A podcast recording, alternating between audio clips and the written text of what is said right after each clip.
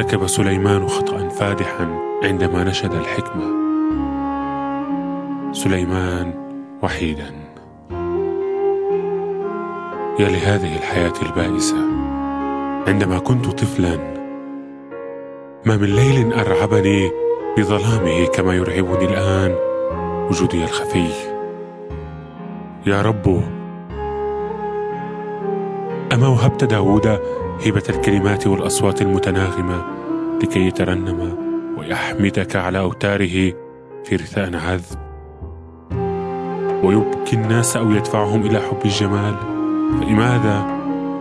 لماذا وهبتني هذا العقل الجائع المؤرق المثقل بالتأملات؟ أتخفى في الظلام مثل حشرة ولدت من الغبار وكياني كله يرتجف ويرتعد.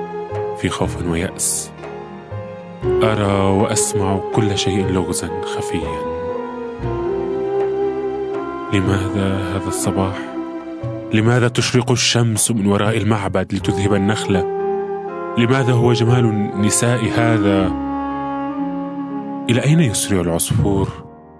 وما معنى طيرانه ما دام هو وصغاره والمكان الذي يهرعون إليه سيصيرون غبارا مثلي كان خيرا لي لو لم أولد قط.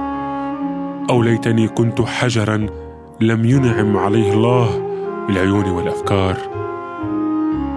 وإنهاكا مني لجسدي عند حلول الليل حملت الرخام إلى المعبد مثل أي عامل طوال نهار أمس ولكن ها قد حل الليل ولم أستطع النوم.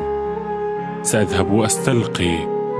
أخبرني الفرنسيون أنه إذا ما تخيل المرء قطيع شياة يركض ثم صوب انتباهه عليه طرب الخاطر وأخلد إلى النوم. وهذا هذا ما سأفعله الآن.